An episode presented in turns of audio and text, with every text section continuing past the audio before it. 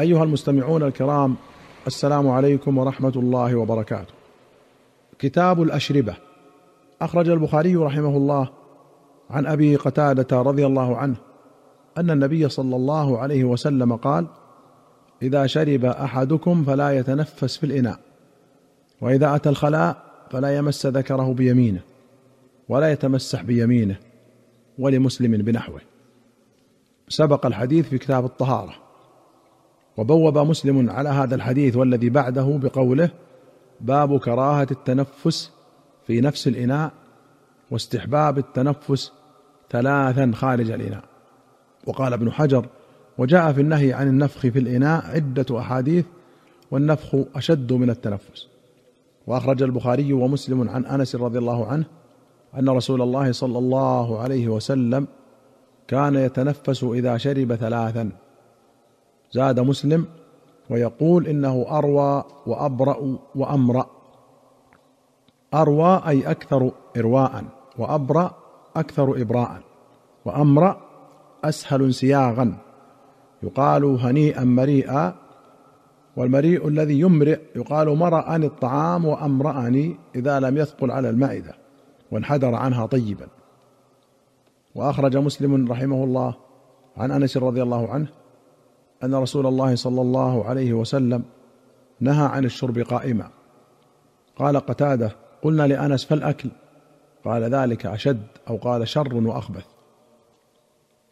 وأخرج مسلم عن أبي هريرة رضي الله عنه أن رسول الله صلى الله عليه وسلم قال لا يشربن أحد منكم قائما فمن نسي فليستقئ.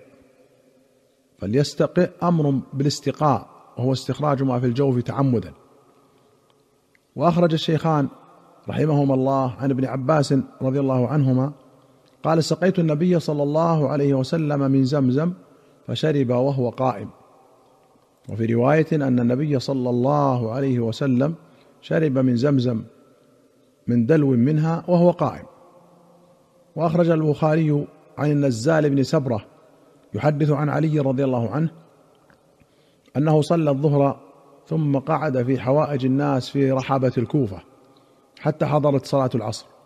ثم أتي بماء فشرب وغسل وجهه ويديه وذكر رأسه ورجليه ثم قام فشرب فضله وهو قائم.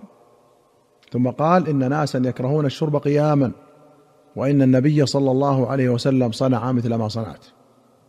وفي رواية قال أتى علي باب الرحبة فشرب قائما.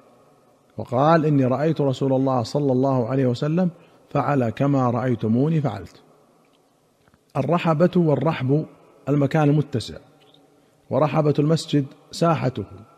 قال النووي ليس في هذه الأحاديث بحمد الله تعالى إشكال فالنهي فيها محمول على كراهة التنزيه.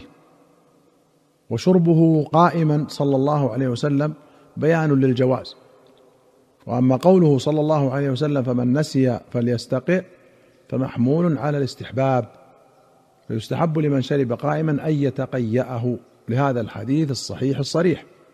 فإن الأمر إذا تعذر حمله على الوجوب حمل على الاستحباب وتستحب الاستقاءة لمن شرب قائما ناسيا أو متعمدا وذكر الناس للتنبيه به على غيره بطريق الأولى وهذا واضح ولا سيما على مذهب الجمهور. بأن القاتل عمدا تلزمه الكفارة وأن قوله تعالى ومن قتل مؤمنا خطأ فتحرير رقبة لا يمنع وجوبها على العامد بل للتنبيه والله أعلم. وقال ابن حجر قوله وذكر رأسه ورجليه كذا هنا وفي رواية النسائي والطيالسي والإسماعيلي فأخذ منه كفا فمسح وجهه وذراعيه ورأسه ورجليه ويؤخذ منه أنه في الأصل ومسح على رأسه وعلى رجليه وأن آدم توقف في سياقه فعبر بقوله وذكر رأسه ورجليه. انتهى ملخصا.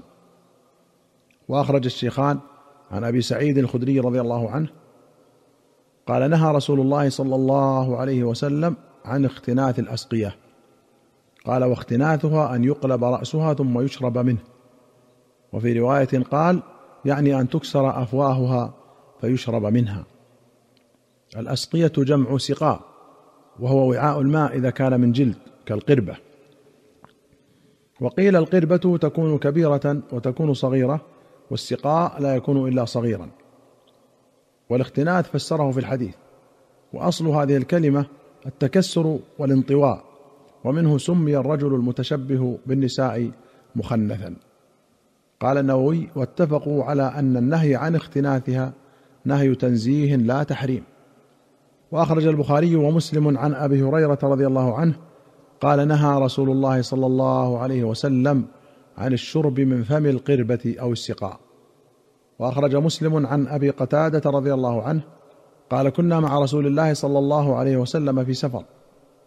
قال فجعل رسول الله صلى الله عليه وسلم يصب وأسقيهم حتى ما بقي غيري وغير رسول الله صلى الله عليه وسلم.